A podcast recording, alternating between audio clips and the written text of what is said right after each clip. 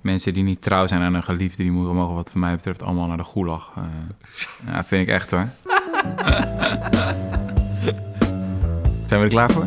Wat? Ja, Ik, ik wel op zich hoor. Alright. Uh, dames en heren, trouwe luisteraars van de Rudy en Freddy Show. Welkom bij de verkiezingsspecial. Wauw. Uh, naast mij, of tegenover mij, zit politiek analist Jesse Frederik. Ja. Um, nou, het is natuurlijk een bewogen week bewogen geweest. Jaar, een bewogen, jaar.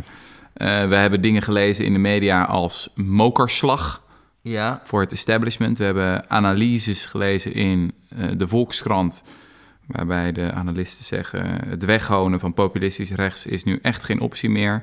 Nieuwe fase in het rechtspopulisme. Het krijgt nu voet aan de grond. Hmm. Ehm, we hebben eindeloze analyses gelezen van uh, de verkiezingsspeech van de heer Thierry Baudet. We weten inmiddels uh, hoe dat zit met die L van Minerva, of die, wanneer hij nou precies gaat vliegen en hoe hij dat doet. Ja. We hebben interessante feiten over boreaal Europa tot ons genomen. We hebben de Wikipedia-pagina daarover bekeken, die inmiddels uh, op slot is. Voor, toch maar voor de zekerheid. Um, ja, ik weet was nog wat, wat. kunnen wij hier eigenlijk nog aan toevoegen aan deze uitputtende analyse? Eh, nou ja, dat vind ik, een- dat vind ik een hele goede vraag. Eh, even denken hoor. Ja, wat, wat, wat wil die man eigenlijk? Ja, dat is nog wel aardig. Dat, dat is nog wel aardig Het- misschien. Gewoon het verkiezingsprogramma kunnen we nog analyseren. Ja, Uh, misschien kunnen we ook even... Hoe schokkend vond jij de, de uitslag van de Provinciale Statenverkiezingen? Eh, Vond je het ook een mokerslag? Of kwam nou er niet ja, zo weet ik veel. Maar volgens, volgens, volgens mij, of tenminste van wat ik las, van, eh, uiteindelijk was gewoon er niet zo heel erg veel veranderd. Er zijn gewoon veel verschuivingen op rechts en op extreem rechts en zo. Mhm. Ik geloof dat ik, zag, ik zag op Twitter langskomen dat VVD, CDA, Forum voor Democratie en PVV samen nu minder aandeel van de stemmen hebben dan twee jaar geleden. Eh, maar ja, Ah. goed, er zijn wel veel stemmen verschoven van PVV en VVD, met name naar, eh, naar Forum voor Democratie. Nou ja, het zijn van die blokken eigenlijk, hè, waar mensen mee swi- binnen switchen. Ja, Dus je stemt eerst PVV en dan ga je nu Forum voor Democratie doen. En, of CDA naar... Nou ja, ja precies, ja. ja. Nou ja, en eh, ja, is, die, is, dat, is dat nou, zeg maar, eh, die Forum voor Democratie... Ja, zijn die nou superveel enger dan PVV? ja dat vraag ik me ook wel eens af. Dat We zijn gewoon gewend dan geraakt aan dat PVV... Oh ja, ja alle moskeeën gaan we sluiten. Ja, Ja, weet, hoe weet je dan? wat grappig is? Weet je, dat is knetterradicaal. Ik zat dus laatst eh, te kijken, maar misschien, misschien volg ik ook het nieuws niet goed hoor. Maar gewoon in de lijst van wetsvoorstellen in de Tweede Kamer. Ja. En nou blijkt dat PVV had een initiatiefwet ingediend om iedereen met een tweede paspoort het stemrecht te ontzeggen. Ja, ik heb het niet eens meer meegekregen, zeg maar. Nee. En dat is, dat is zoiets wat je denkt van, ja, we zijn er een beetje immuun voor geraakt. Maar die, die, die, die PVV die heeft volgens mij toch echt nog wat extremere voorstellen gedaan dan, eh, dan Thierry. Ja. Ja. Eh, dus ruk naar extreem rechts, dat weet ik eigenlijk niet zo goed. Wat mij vooral opvalt is lijkt dat... vooral heel erg veel meer van hetzelfde, toch? Van wat we eigenlijk al sinds 2002 horen. Gewoon nog een keer hetzelfde liedje. Ja, En volgens mij de crux is dat CDA en VVD steeds meer van die geluiden zijn gaan overnemen. Ja, ja. Dat, is, dat is de essentie van het hele verhaal. Dat zij die kant op worden getrokken, of zijn getrokken, ja, ja, ja, ja. volgens mij. En hoewel dus nu, waar, waar het deze verkiezingen veel over ging, klimaat, denk ik, Mhm. zijn zij toch wel echt een beetje eh, VVD... Ja, ze, trouwens, die gaan dan, daar- zijn daar natuurlijk ook best wel vatbaar voor. Ja, Maar in principe zijn die, zijn die wel echt te onderscheiden van PVV en Forum voor Democratie... die echt zeggen, het is allemaal onzin. ja precies, ja. ja. ja. Dus eh, nou ja, dat, dat viel mij op. En, en wat er eigenlijk onderliggend, wat ik wel grappig vind, is... je krijgt heel erg het gevoel dat zeg maar, wat er met politiek gebeurt... Mhm. dat we dat gaan projecteren op de samenleving. Dus de samenleving, je- volgens mij had eh Elsevier had ook heel groot op de cover boos. De burger Ja, is ja. boos, weet ja, je wel. Ja, ja, ja. En eh, ja, als je, dan, als je dan, dat zei Tom van der Meer ook, politicoloog, die, Mhm. die, die twitterde ook van... Ja, als je gewoon kijkt wat het SCP aan peilingen doet... Mhm. eh, dan is eigenlijk de burger de afgelopen 30 jaar of alleen maar minder boos geworden. Eh, ik bedoel, zoiets als van. eh, Van mij was zo'n peiling in 1990 van. vind je dat er te veel nationaliteiten in Nederland aanwezig zijn? Mhm. Toen zei 49% ja in 1990. En Wow. inmiddels is dat 31 procent. is nog veel, maar zeg maar onderliggend is de trend dat dat... Hè, dus in het pre-fortuin-tijdperk, in de zorgeloze jaren 90, Ja, was bijna de helft van de Nederlanders van Nederland vol weg met immigranten, zeg maar. ja, En nu is dat veel minder. Nu is in de dat tijd veel van minder. Wilders en, en, ja. en Baudet. Dus, dus wat er volgens mij heel erg veranderd is, is dat dit, dat dit zeg maar, eh, dat er, en wat dat betreft klopt misschien de kritiek wel, van dat partijen dit gewoon niet zeiden. Dat die een soort schaamtegevoel hadden over om, om, om zo anti-immigranten te zijn. Ja. Ja, dus dat is veranderd. Dat Bepaalde is, dat is heel erg veranderd. Maar het is niet soort van dat dit door de burger lijkt te komen. Want daar is gewoon onderliggend, is, is er eigenlijk steeds minder woede. Zijn we best wel tevreden over, eh, over Nederland. Ik zou Ja. nog zo'n nog zo'n staartje in die laatste... SCP doet echt doorlopend van die peilingen van... eh, eh, oh ja, hier. Ik denk niet dat Kamerleden en ministers veel geven om wat mensen zoals ik denken. Mhm. Nou, dat was in 1975, was 55% het daarmee eens. Zo. En inmiddels is dat nog 45% Hm. Dus nou, alleen maar minder eigenlijk. Minder, minder, minder. Ja, dus wat dit, dit soort dingen, dat, dat, ja, ik, je krijgt de indruk dat je er een beetje te veel in probeert te zoeken. Dat wat er, in de wat er qua politieke partijen gebeurt, dat dat is wat er in de samenleving Ja. gebeurt. Maar het is toch überhaupt zo dat politieke verandering wordt bepaald door een stel ja, schreeuwlelijke aan de flanken. Dus als je de dingen in Mhm. beweging wil brengen, dat je, dat je eigenlijk ook dat je daar moet bevinden. Eh, want de politieke energie zit duidelijk wel op, op rechts al de, de afgelopen jaren. Ja, Er stond een heel goed stuk in de Volkskrant een tijdje geleden van Peter Giesen. Eh, die had ook zo'n analyse van de meeste Nederlanders zijn best wel redelijk. Dat is ook allemaal van dat soort statistiekjes over bijvoorbeeld rekeningrijden. Ja, de meeste Nederlanders vinden dat best wel prima, maar het wordt gewoon geblokkeerd door een paar machtige lobby's. ja. Als de Telegraaf en de ANWB en dat soort clubs. Oh, vindt de ANWB dat nog? Weet ik eigenlijk niet. niet. Ehm, of eh, klimaat bijvoorbeeld. De meeste Nederlanders hebben best wel wat zorgen van het moet niet te duur zijn, et cetera. Maar de meeste Nederlanders zijn echt wel doordrongen van het gevaar en dat we iets eraan moeten doen. En dat we misschien ook wel een verantwoordelijkheid hebben als land, als rijk land, om daar ehm enigszins in voorop te lopen. Ehm, Over, maar het zijn gewoon die schreeuwlelijken lelijken die zoveel aandacht krijgen. ik vond het ook grappig, van, dat ging dan heel veel over dat klimaat. En zo. En Mhm. zo Cherry die had gewoon eh, het getal 1000 miljard eh, uit zijn derrière getrokken, geloof ik. Maar als je die, als ik zat dat CPB-rapport over het klimaatakkoord te lezen, nou, Mhm. dan word je, daar word je echt niet van onder de indruk of zo. Nee. Dat ging over 4,4 miljard in totaal, hè, Ja. het hele klimaatbeleid. Nou, dat is, dat, dat- ja, eh, elk jaar. Ja, Dus dat is, e- dat is echt niet zoveel of zo. Dat is niet van, van dat, we daar, dat we daar nou echt eh, onze Nee. hele beschaving aan aan de zorg besteden we 94 miljard of zo per jaar. Ja, bijna 100 miljard Oh, nu 100 miljard inmiddels. inmiddels, Dus ja. dat is 1, 1 twintigste van, eh, van de zorg. Dus nog Ja. minder eigenlijk. Ja, dat is goed. Dat, dat, dat, dat, dat vond ik ook opvallend. Maar wat, wat, wat mij nou opvalt, is dat we dus met z'n allen heel erg het idee hebben dat het steeds. Dat, dat iedereen steeds onredelijker om ons heen wordt. Ja, En ik zat te denken, weet je wat dit volgens mij ook waar dat mee te maken heeft? Mensen, mensen hebben de hele tijd dat verhaal over filterbubbels en zo. ja. Volgens mij is precies het omgekeerde. Wat is een filterbubbel? Een filterbubbel is dat iedereen is teruggetrokken in eigenlijk zijn eigen zuil. En alleen Ja. nog maar informatie tot zich neemt van linkse mensen. En mensen op rechts, die eh, krijgen alleen maar informatie van rechtse mensen. Ja, En volgens mij is het precies het omgekeerde. We worden nu meer dan ooit worden we blootgesteld aan de mening van andere zuilen. Van, van Andere mensen, die ja, helemaal aan het andere kant van ons spectrum staan. ja, en daar schrikken we van. Daar schrikken we enorm van. En daar gaan we op reageren, omdat het zo extreem op ons overkomt. Voor mensen op rechts is het heel raar om in één keer eh, een zwarte Piet demonstrant te zien, zeg maar. Ja, ja. En voor ons is het, eh, dan, dan, dan lees je, eh, eh, zeg maar, Viaduct in je tijdlijn. En dan denk je, wow, hallo. Of nog wel wat eh, extremere dingen kom je langs op, Ja. eh, op Twitter. En ik heb het idee dat, we, dat dat gewoon juist aan het afbreken is. Dat we gewoon steeds meer, zeg maar, die hele extreme meningen van elkaar zien. En daardoor de hele tijd gaan botsen en op elkaar gaan reageren en zo. Mhm. En daardoor het idee hebben dat dat enorm groot is. Mhm. Terwijl dat niet is. Ja, dat is ook een algemene nieuwsdynamiek volgens mij. Dat naarmate iets beter gaat, krijg je het gevoel dat het slechter gaat. Heel simpel principe. Dus eh, vliegtuigrampen bijvoorbeeld. Je hebt er steeds minder van, daardoor wordt het nieuwswaardiger. Komt het meer in het nieuws, denk je, oh, vliegtuigen worden steeds onveiliger. Terwijl ze in feite veel veiliger zijn geworden. Ja, dus Eh. hoe uitzonderlijker het wordt eigenlijk, hoe meer... eh, Hoe meer zorgen je erover gaat maken, want het is meer het nieuws. Ja, ja, ja, ja, ja. ja. Beetje die dynamiek. Ja, dat- Maar dat was sowieso, vond ik ironisch in veel van die...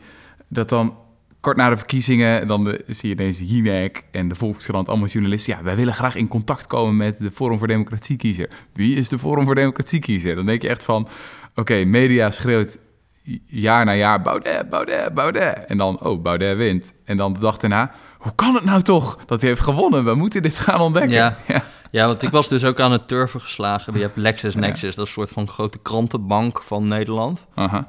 En eh, daar staan gewoon alle, al- zeg maar, alles wat de Volkskrant heeft geschreven, NRC heeft geschreven, Trouw, gewoon.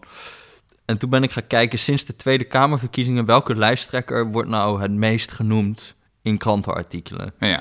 Dus eh, in, ik heb gewoon de vijf grote kranten genomen. eh, Volkskrant, NRC, Telegraaf, AD en ik meen Trouw. Mhm. Nou, dan zie je dat Geert Wilders nog steeds op één staat. Mhm. Maar nummer twee, dat is Thierry Baudet.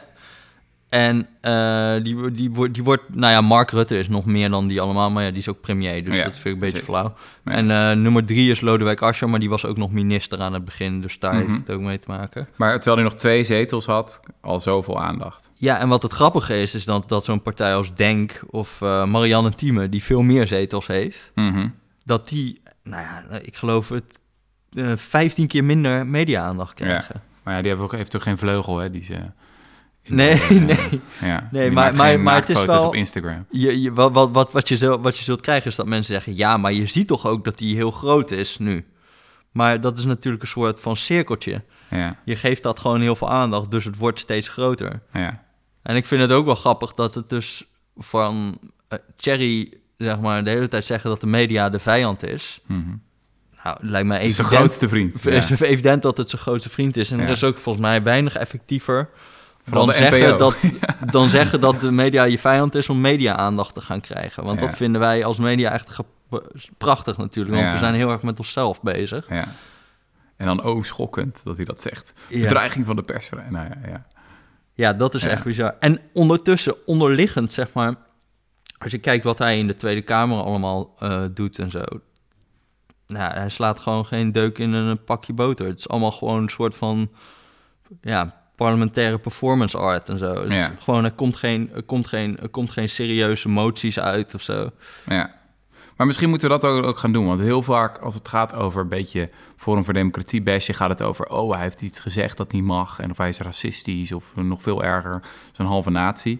En dat is allemaal wel. Mhm. Ehm, maar misschien is het effectiever of interessanter... eh, om gewoon eens te kijken van wat staat er in dat, in dat programma. Ja. En wat stelt hij nou eigenlijk voor en wat moet dat gaan kosten en hoe gaan we dat regelen en zo. Ja. Nou ja, dat had ik dus ook gedaan. Ja, nou, trap hem even af. ja. Eh, ja, de- dus ik ben gewoon gaan kijken op de, in dat, eh, in dat eh, partijprogramma van, van Thierry Baudet. En hij heeft, of van Forum voor Democratie. En Want normaliter wordt zo'n partijprogramma vol met voorstellen... wordt doorgerekend door het Centraal Planbureau in Nederland. ja, of dan ga je met het Centraal Planbureau praten... en dan zeggen ze, ja, wat jij hier zegt, je zegt investeren in onderwijs... maar wat bedoel je nou precies? En kun je dat specificeren? En dan Ja. moet je een soort van format aanleveren... waardoor zij het kunnen doorrekenen. Ja. Maar wat is het standpunt van de Rudy en Freddy Show hier? Want wij zijn wel eens in het verleden kritisch geweest op die CPB-doorrekeningen. Waar ik Van- heel kritisch op ben, is denk ik al die werkgelegenheidsdingen. en, en van het gaat zoveel banen opleveren, dan en dan. En weet ik het, Ja, daar geloof ik niet zo heel erg in. maar ja. Ik geloof wel dat het goed is om een soort van basale begroting. Van als jij er ergens zoveel geld weghaalt, als je ergens 70 miljard wil besparen, dan moet je ook ergens 70 miljard vandaan halen. ja, ja. En, en het is ook heel goed wat het CPB ook doet, is gewoon kijken op basale juridische haalbaarheid. Van, eh, jij zegt dit te willen doen, maar we hebben nog de verplichting dit in ieder geval tot 2021 vast te houden. Dus dat kan niet. Dit, Ja. Nou ja, enzovoort. Je kan niet zomaar uit, weet ik veel, de EU stappen of zo. Of in ieder geval, dat kost je dan zoveel geld. Ja, Ja, en eh, dat, is, dat is best wel een goede check. Het Ja. houdt ook gewoon iedereen een beetje, ja, gewoon scherp. ja. Ehm, ik zou het wel gewoon niet, niet een beetje met een korreltje zout nemen. Maar het is ook goed om te zien wat partijen echt vinden. Ja, want dat vind ik wel interessant, is dat Forum voor Democratie gebruikt een soort van sceptisch of een kritiek die op het Centraal Planbureau wordt geleverd. Ook ter linkerzijde, ook door, nou, ik heb dat zelf ook veel gedaan. Dan hoor je ineens hetzelfde geluid van... eh, ja, CPB, daar geloven we helemaal niks van, we doen niet mee. Mhm. En dat heeft mijzelf ook wel aan denken gezet. Dat ik denk van, hé, hey, wacht eens even. Maar zij gebruiken dat nu om, nou ja, gewoon als een vrijbrief... om maar van alles en nog wat te roepen. En Ja. helemaal geen checks meer te hebben. Nee, dit is denk ik ook wel een beetje een stondpuntje hoor. Dat ik gewoon Ja. denk, netto is het echt een veel beter om een CPB te hebben dan niet. Hm. En eh, ja, het is een beetje... Ik bedoel, het is niet het is geen perfect instituut, maar het is, het is dus wel, denk ik, goed eh, dat het er is. Maar ja, Maar goed, eh, zij hebben het dus niet laten doorrekenen. Dus ja, dan moet je zelf maar een beetje gaan rekenen. Mhm. En dat kan je wel doen door gewoon te kijken. Soms stellen ze dingen voor die ook in andermans partijprogramma zijn. En die wel Oh ja. doorgerekend Ja. zijn.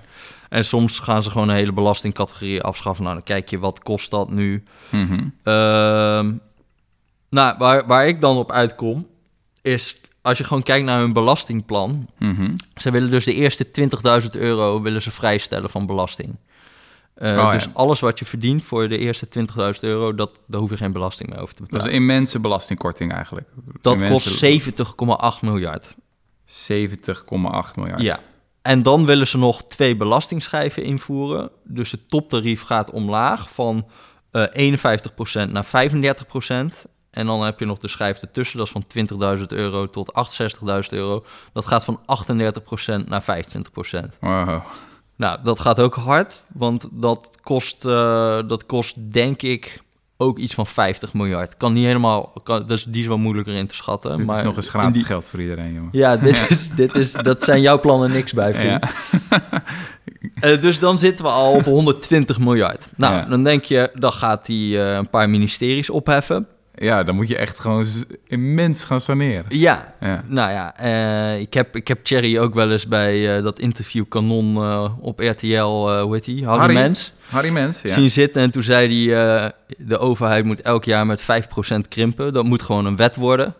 Ik vroeg me wel gelijk af wat dan na 20 jaar. Maar Wanneer goed, bestaat de overheid dan nog? ja, Dan zit je op een gegeven moment in Somalië, volgens mij, als je dat lang, lang ja volhoudt. precies. Maar goed, dus je denkt dan ook, dat ga ik nu tegenkomen in dat partijprogramma. Keihard roekeloos saneren. Maar Mhm. dat blijkt dus ook helemaal niet het geval te zijn.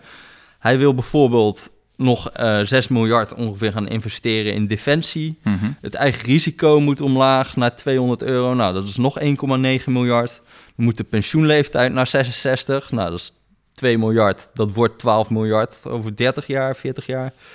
De basisbeurs moet terug, nog een miljard. En dan moet er een landelijk glasvezelnetwerk worden aangelegd. Ik weet niet wat dat kost, maar Zal niet goedkoop het zijn. zal niet goedkoop zijn.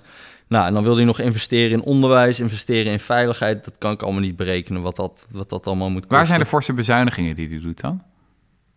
Eh, Aftrekpost of zo afschaffen? Ja, of, eh, dat is dus, hij zegt dat zelf. Ja, hij zegt dus klimaat. Dus laten we zeggen, we hadden het er net al even over. Laten we zeggen dat dat 4,4 miljard is. mhm. Is een beetje overdreven, want dat is niet wat we er nu aan uitgeven, maar Mhm. dat wat we eraan gaan uitgeven. Mhm. Dan zegt hij nog, ik wil stoppen met het rondpompen van geld. Dus dan bedoelt hij denk ik toeslagen. Dus laten we die ook maar allemaal afschaffen. Mhm. Eh, dan, ja, dan moet ik een beetje voor hem gaan invullen van hij misschien hypotheekrenteaftrek de, en dan de algemene heffingskorting en de arbeidskorting Mhm. weg. Dat zijn ook wel grote posten. Dat is wel logisch als je gewoon de eerste 20.000 euro vrijstelt om dat Ja. te doen.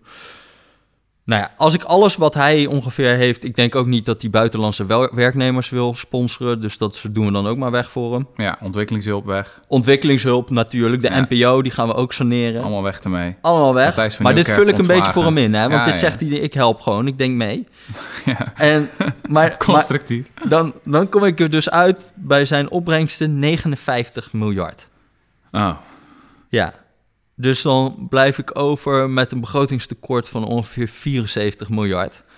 En dan ben ik genereus. dat is... 74 miljard, dat is ongeveer twee keer de begroting van het ministerie van Onderwijs. Zo. Ja, ja dat kan niet. Nee. Nee. Nee, dat is dus onmogelijk. Vier, dat is, oh ja, en dat is 94.000... Of hoeveel zei je? Vi- 74 zei? Wat? 74 Hoeveel miljard Ja. ongeveer. Ja, en ik, wil nog even benoemen, dat is dus 74.000 miljoen. ja, dat is 74.000 miljoen. Ja, ja, Ja. 74.000 miljoen. is het tekort. 74.000 miljoen. Nou, En nou wil ik toegeven Op, maar dat dan ik moeten we even doorrekenen, want het is op één jaar. Dus als je dat op 20 jaar doet, Ja, ja, nee, inderdaad. Laten we ook even wat, wat, wat eh, cherry math erop eh, Ja. toepassen. Want we gaan toch ook gewoon, net zoals met klimaatverandering, gaan we ook tot 2060 één bedrag van maken. Oh ja. Dus doen we even 41 keer. Doen we 41, 41 keer 74 miljard. Dan kom ik op 3034 miljard uit. 3000 Nou ja, miljard, dat slaat natuurlijk nergens meer op. Maar goed, eh, ja, dat is wel echt Is dat een dan beetje... 3 miljoen miljoen? dat is wel heel veel geld, hè? Ja, dat is wel echt veel geld. Ja. Ja. Hey, dit klinkt mij als een beetje LPF'ig in de oren. Van, we hebben allemaal wilde plannen, maar... ja, eh, nou, ik denk dat eh Thierry wat meer kaas van eh, Spengler dan van spreadsheets heeft gegeten. ja. Dus ja, ik weet niet, man.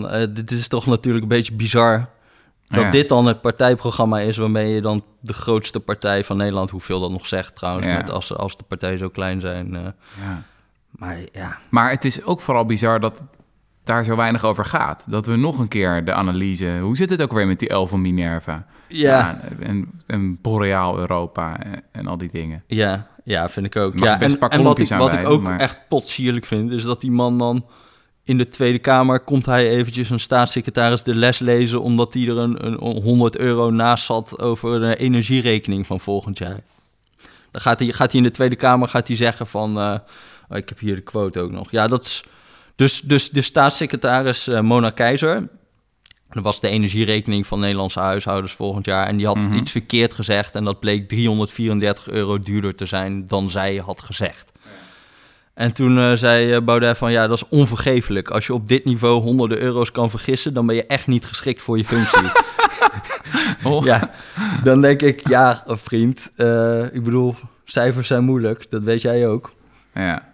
Maar goed, dat, ja, het is toch wel echt raar, toch? Dat dit gewoon niet... eh, en ik wil trouwens nog wel accepteren dat ik er echt een, eh, een miljard of eh 20 naast zit, of 30. Dat Ja. kan best. Ja, ik eh, zei het al, cijfers zijn moeilijk en eh, ik kan er een paar miljard naast zitten. Nou, ik blijk er ook een paar miljard naast te zitten. Eh, we namen deze podcast dinsdag op. Tegen woensdag had ik een eh, existentiële cijfercrisis en op donderdag was ik die weer te boven. Eh, ik zei hier dat die belastingplannen van Baudet 120 miljard kosten. Dat bleek uiteindelijk 105 miljard. En er waren nog een paar postjes allemaal verkeerd ingeschat. Afijn, uiteindelijk bleek dat tekort van 74 miljard slechts eh, 66,7 miljard. Dus een paar miljard minder. Ehm, nou ja, goed. Dat wil ik even zeggen. En eh nou kunnen we verder met de podcast. Maar ook als je gaat nadenken van wat voor immense protesten in het hele land dit soort bezuinigingen zouden opleveren. Omdat het gewoon... Nou, maar hij gaat niet Ja. bezuinigen. Hij gaat gewoon pompen. Nee, precies. Maar natuurlijk vooral pompen. Maar als je, weet ik veel, zegt de overheid 5% per jaar krimpen of zo. Ja, Ja, Dat is volkomen... nee, dat is echt mijn sjoggen. ja. En hij zegt dan ook nog ergens op, op die website staat van... ja, we gaan, gaan saneren in tientallen miljarden aan subsidies. Ik zei, oké, waar Ja, dan? welke Welke? dan, wel, ja. Wat bedoel je? ja. Eh, Maar goed, dit is... Dit, en hij, sta- stond zich er een beetje op voor dat hij in tegenstelling tot zo'n Geert Wilders... die echt gewoon één A4'tje geloof ik afleverde... en het ook niet liet doorrekenen... dat hij dan wel serieuze plannen had. Maar dit gaat ook nergens over. Ja. ja. Maar misschien gaat het daar dan ook niet meer over. Nou, het is wel interessanter. Natuurlijk, de PVV was vooral islam, islam, islam. Dat is het enige waar het over ging. Ook een economische paragraaf was, ging Mhm. over de islam. Van, we stoppen massa-immigratie en dat levert ons ook miljarden op. En dat gaan we, weet ik veel, gaan we leuke dingen mee doen. Ehm Forum voor Democratie heeft wel een soort van de claim van... we zijn een bredere partij. We zijn überhaupt een ledenpartij. We, we hebben het niet alleen over islam. We hebben over allerlei onderwerpen hebben we een idee. Over klimaat, over vluchtelingen, over, noem allemaal maar op. Over economie. Eh, koopkracht moet omhoog. Pensioenen, daar staan we pal voor. Ja, als je dat dan wil doen, dan moet je wel een soort van verhaal hebben. Mhm. Een soort van bazaal spreadsheetje. Ja, nou ja, dat is er dus niet. Nee. Nou ja, goed. Dus ja, En dan kwam ik nog iets eh, leuks tegen nou ja, kom maar op. op, eh, op Stuk Rood Vlees. En dat fascineerde me eigenlijk Stuk wel. rood vlees, moeten we even Is- vertellen ja, wat is het een, is. is een, is een podcast, of nee, een podcast. Wat Is ook een is ook een podcast, podcast ja. trouwens, ja. Eh, maar dat is ook eh, is een blog van politicologen. Mhm. En die schrijven echt gewoon hele interessante stukken. Ja, Waar is het eigenlijk een beetje, ja. Gebruik gewoon een expertise om de actualiteit te duiden. Ja, Dus eigenlijk altijd na verkiezingen kan je het beste het eerste naar stukroodvlees.nl gaan. Om, uh, ja, precies, precies. Dus zij hadden nu ook bijvoorbeeld een stukje, en wij doen daar nu ook weer aan mee, dus dat is een beetje jammer dat ik dat moet noemen. mhm. Te veel aandacht voor welke partij de grootste is, heet, heet de blogpost. Ja. En dat ze voor eigenlijk het eerst, dat er in 2019 meer dan ooit aandacht is voor de partij die het grootste is. Terwijl dat voorheen in andere verkiezingen in de krant helemaal niet zoveel aandacht kreeg. Ja, en dan krijg je soort van dat bandwagon effect, toch? Dat men, mensen denken ook wel wel op de winnaar stemmen. Ja, ja, ja, ja. Je ja. hebt het ook wel eens gehad tussen PvdA en VVD, dat het dan op een gegeven moment... En toen eh, gingen ze samen regeren. ja, dat is dan een beetje zuur. ja, dat krijg Maar je ze hadden ook een heel interessant het stuk waar ik heel erg over na moest denken. En dat ging over de Eerste Kamer. Over hoeveel wordt er voor wetsvoorstellen gestemd. Mhm. En zij kwamen er eigenlijk tot dat eh, eh, zelfs de PVV in de Eerste Kamer voor Mhm. 79% van alle wetsvoorstellen voorstemt. Dus van alle wetten die er door de, door de Kamer komen, daar wordt eigenlijk gewoon bijna 80% daar wordt voorgestemd. Zelfs door de PVV. Hè? En dus het hele debat gaat over 20 procent. Ja, maar, nee, maar het is eigenlijk nog, nog veel erger. Want zeg maar, de partijen zoals GroenLinks... die stemmen voor ne- 96% van alle wetten. 96 procent. Ja, Hé, maar wat zijn dat voor wetten allemaal dan? nou, dat zijn heel veel dus bijvoorbeeld... zoiets als zo'n Oekraïne-verdrag, referendum. Weet je nog waar dat toen over ging? Ja, dat ja. is echt zo'n typisch hamerstuk. Iets waar gewoon... Ja, dat komt er en dat vliegt er zo doorheen. Ja. Je hebt begrotingen, die moeten worden goedgekeurd. Dus elk jaar heeft elk ministerie, dat dient een begroting in. Daar moet je voor stemmen. Mhm. Het zijn dingen als, nou, ik zat in die lijst te kijken. Blijkbaar is er nu de dienstplicht voor vrouwen ook ingevoerd. Dus mocht er ooit weer eens een dienstplicht zijn, dan zijn vrouwen ook krijgen een dienstplicht. Oh, Maar ehm, er zijn ook gewoon heel veel dingen die wel echt ergens over gaan, maar die gewoon echt zelden aandacht krijgen. ja. Dus ik heb een voorbeeldje bijvoorbeeld. Ehm, eh, je hebt, ja, ik weet niet of je wel eens Suits hebt gezien, die eh, serie. Ja, dat is een, een van mijn favoriete series. Hoe is het ook alweer met die ene Lit Up? Weet je wel, dat je... Ja, ja, ja, Ja. Die, die, die advocaten, gewoon Ja, die corporate lawyers. Dat er altijd dan iets is en dan, oh, probleem, probleem, probleem. Maar hier, document. En we hebben Ja. het opgelost. En dan, oh, we gaan er zoeken. Nee, maar ik heb een ander document. Nee, document terug. Precies, precies, precies. Dat doen advocaten. En je hebt daar in, in Amerika heb je dus, is dat gewoon heel erg eh, eh, met litigation, kan je, kan je heel makkelijk documenten opvragen bij de tegenpartij. Oh, dus ja. je, kan, je kan, als jij eh, een proces voert met iemand, je hebt mij schade berokkend. Mhm. Bijvoorbeeld, eh, mensen zijn doodgegaan door een auto-ongeluk. En heeft die fabrikant geweten dat, eh, eh, dat deze, deze auto onveilig was ontworpen? Nou, dan kan je allemaal memo's gaan opvragen, mensen gaan verhoren, weet ik het. Heel veel macht heb Weet je als daar. wobben eigenlijk, alleen dan ook bij... Ja, private precies. partijen. Beetje wobben alleen dan bij Ja. eh, te- tegenpartij, ja. En ehm, eh, in Nederland kan dat allemaal niet echt. Je, je kan wel een soort van expertiseverhoor doen, maar we doen niet aan, dat heet Amerika discovery, Mhm. dat je heel erg makkelijk in het procesrecht gewoon mensen kan gaan eh, verhoren en eh, documenten opvragen. Dan moet je Ja. echt al best wel veel bewijs hebben voordat je dat mag gaan doen. Is dat een van de redenen waarom we dan minder een claimcultuur hebben? Omdat je gewoon überhaupt moeilijker is om je claim hard te maken? Ja, als iemand een van, schade en heeft dat is, dat is een van de redenen. En dat we bijvoorbeeld gewoon niet zo... Nou ja, dat is dus één zo'n wet die er nu doorkomt eh, over massaschadeclaims. Dus Mhm. in Amerika kan je bijvoorbeeld heel makkelijk voor een groep optreden. Mhm. Dus je zegt, iedereen die gedupeerd is door dit eh, verkeerde design van die auto... daarvoor Mhm. treed ik nu al- als één advocaat voor die hele groep op. Mhm. Dus als iedereen dan eigenlijk een kleine claim heeft... Iedereen gaat over zeg eh, 150 euro, maar het zijn wel 10.000 mensen. Dan kan je daar voor die hele groep optreden. Dus dan zet het wel zoden aan de dijk. Ja. En dat heb je in Nederland, was dat tot voor kort eigenlijk heel lastig. Hm. Eh, maar dat is dus nou typisch zo'n wet die er nu dus wel waar het over ging. Wat een soort van hamerstuk is, die massaschade. Ah. En eh, wat een, voor, een, een voor- voorbeeld van ook zo'n wet is dus dat ze hier in Nederland in het procesrecht wilden ze ook meer de mogelijkheden bieden, zoals dat in suits en zo wel is, ja. dat je gewoon documenten kan opvragen, dat een beetje verbreden. Dat Waar komt die uit- wet dan vandaan? Is er dan zijn er dan lobbygroepen die dat ooit geplukt hebben bij een of ander obscuur Kamerlidje die daarmee aan de gang is gegaan? Nou, volgens mij was het in dit geval dus een soort commissie van eh, rechtsgeleerden en die hebben dan gezegd, nou wat zijn de leemtes in het procesrecht? Ja. Maar Eh, dan kijk je vervolgens, dan, nou, dan doet iemand een voorstel. Ja, misschien moeten we, moeten we dat dus dan wat meer uit gaan breiden, want dat is goed. En dan wordt er een consultatie geopend. Dus dan mag iedereen gaan reageren op dat eh, wetsvoorstel. En dan Mhm. reageert, reageren vijf partijen. eh, waaronder VNO-NCW, dat is de grote werkgeversorganisatie. Ja, die schrijven tien ja. pagina's met echt heel gedetailleerd commentaar over waarom dat een, een waanzinnig slecht idee is. Ja, ja, ja. En, Er eh, zijn natuurlijk geen zin in. ja, Ja. precies. Ja, ja, zij hebben daar helemaal geen zin in. Want als je in Amerika kijkt bijvoorbeeld, is heel veel van die krantenartikelen, die zijn heel vaak gebaseerd op van dit soort documenten. Ja, Dus nu onlangs hadden ze het met die eh opioïde-crisis, weet je wel, dat Mhm. er zo'n eh, eh, farmaceut is, die heeft allemaal pijnstillers verkocht. ja, ja. En er werden ja. mensen heel erg verslaafd van. Ja, En daardoor is nou die hele crisis daar. Nou, dan komen nu in één keer allemaal memo's boven, dat ze dat al heel vroeg wisten in de jaren negentig al. Ja, En Grappig, ja. Ik ben dat ook vaak tegengekomen in onderzoek. Dat je denkt van, oh, dat document, oh, dat komt in een rechtszaak naar boven, ja. Ja, en dat is in Nederland veel minder. Maar ja, dus dit is, dit is zo'n wet die dan zo'n beetje onder de radar, la la la la la. En daar gaat niemand over hebben, want het is ook gewoon Saai. saai. Moeilijk. ja, en heel erg dossier, eh, weet Ja. je. Dat, eh, je. Ja, je moet er wel een beetje weten waar het, wa- wat er dan op het spel staat. Mhm. en, ehm, maar hiervan zijn er echt zoveel van dit soort, van dit type wetten, van die hamerstukken, waar toch volgens mij best wel veel interessants over te zeggen is. Dus ik Ja. zat ook te denken, we moeten eigenlijk gewoon een soort correspondentschap 90% hebben. Ja. Van 90% van al die wetten die er eigenlijk maar gewoon Waar we het wel over eens zijn in Nederland. Of in ieder geval die, eh, ja, die gewoon stilletjes de Kamer doorkomen. Ja, Zonder enige discussie. Terwijl wij het over de L van Minerva hebben. ja, ja, ja, ja, ja. Ja, Want, want, want dat merkte ik ook altijd bij elk, elk eh, stuk wat dan over belastingen schreef of zo. Dan ging het vaak over een of andere kleine lullige wijziging waar niemand ooit heeft opgemerkt dat dat heel belangrijk kon zijn.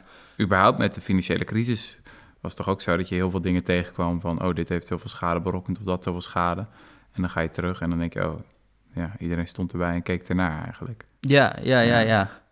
Ja, dat is, dat is eh, nou, ik denk dat dat wel echt leuk is om dat dus gewoon, om daar heel erg op te gaan richten. Ja. Dat, soort, eh, dat soort verhalen. Ja, Ja, en het is gewoon ook omdat het is ook logisch van zo'n zo'n Tweede Kamer als je ziet de hoeveelheid informatie die daar eh, binnenkomt de hele tijd. Je moet over zoveel dingen iets weten ja, dat het eigenlijk onvermijdelijk wordt dat sommige dingen een soort van hamerstukken worden. Dat sommige dossiers gewoon meer en minder liefde gaan krijgen. ja.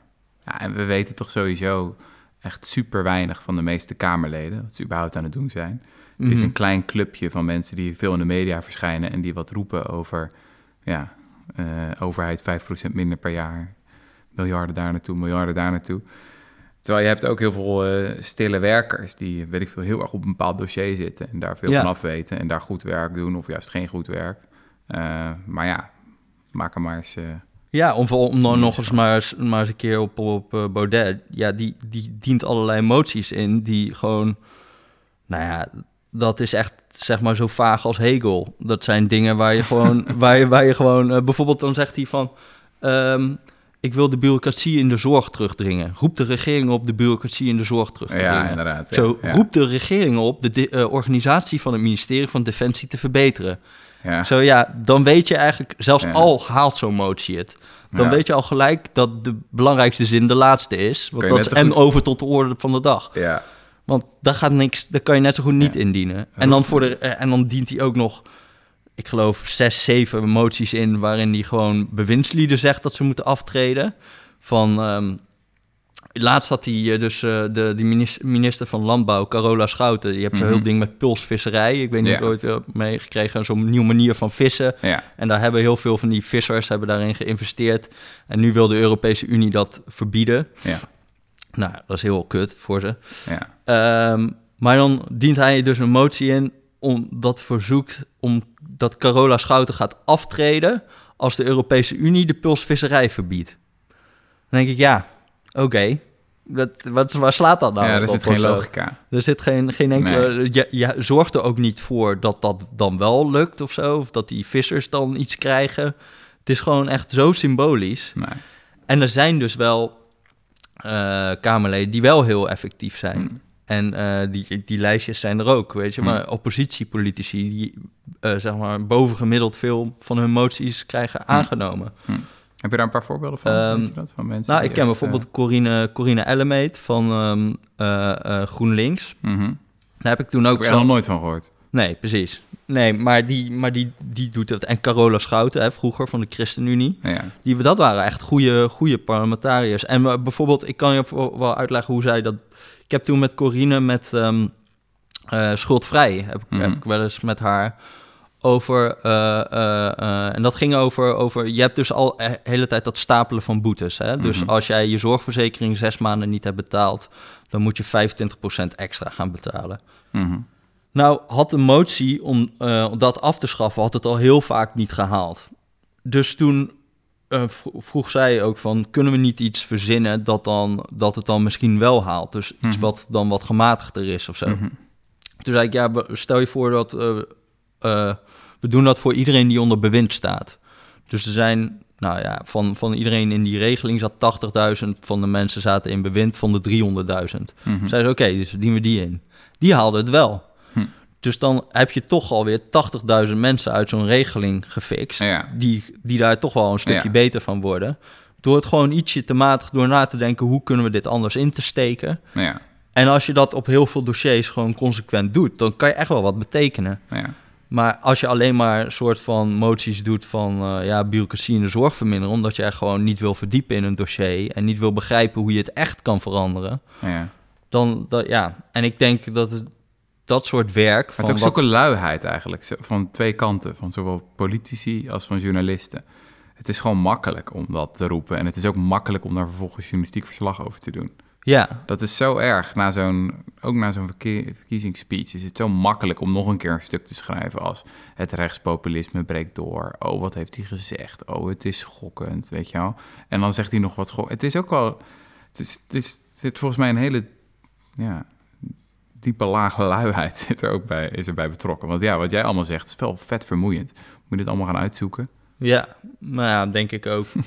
maar je moet wel even, wat voor prikkels geven we dan die Tweede Kamerleden als we alleen maar gaan focussen op zeg maar de, de idioten die eigenlijk echt helemaal niks voor elkaar krijgen. Ja, En eigenlijk mensen die wel hun dossiers kennen, hun best doen. ja. Moeten we die NPO dus toch nog saneren? nee. Eh er moet juist meer geld naartoe, zodat ze meer tijd hebben voor, eh, Ja, voor precies. goede journalistiek. Ja. Eh, ik heb, als ik het eh, goed begrijp, kan ik nu dus concluderen dat jij geen Forum voor Democratie hebt gestemd. Nee, nee, nee. Jij? Want jij was niet eens in het land, hè? Je Ja, was het- weer eh, het, echt- het evangelie op de Ja, Faroe-eilanden aan het verspreiden of zo. Of, Het is, het is Waar was heel, je? Het is echt heel erg. Wat? Ik Ja. was in Londen en ik was vergeten mijn machtiging in te vullen. Nee, echt? Oh, dude. Dat heb- is gênant. Ja, ja. Dan heb jij de komende vier jaar geen columnrecht. Nee, ik mag niks meer zeggen. Nee. Eh, Jesse, eh, nou, eh, de- bedankt. Ik vind dat je een goede politiek analist, analist bent. ja, ik vind dat jij een uitstekende interviewer bent. Dank, dank. Mooi werk. Wij zijn er over twee weken weer, denk ik. Ja. Heb je al een idee wat we dan gaan doen? Nee, Nee, nee. Jij wel? totaal geen idee. Nou, hebben we weer een boek dat uitkomt? Jij? Nou ja, ik heb dus laatst het boek over klimaatverandering gelezen van David Wallace Wells, The Uninhabitable Earth. Zo, dat klinkt Zo. als vakantieliteratuur. Ik ben wel echt zwaar aan het radicaliseren hoor, op klimaatverandering. Maar dan moeten we misschien binnenkort even een eh, podcast met Jelmer Mommers, onze klimaatcorrespondent, eh, Ja. over doen. Die heeft er ook een boek over. Leuke, opwekkende Ja, dat is weer heel vrolijk. Daar moeten we veel geld aan uitgeven hoor. Misschien wel duizend miljard. nou ja, iets voor een andere keer. Eh Toeledokies. Tabé. bum.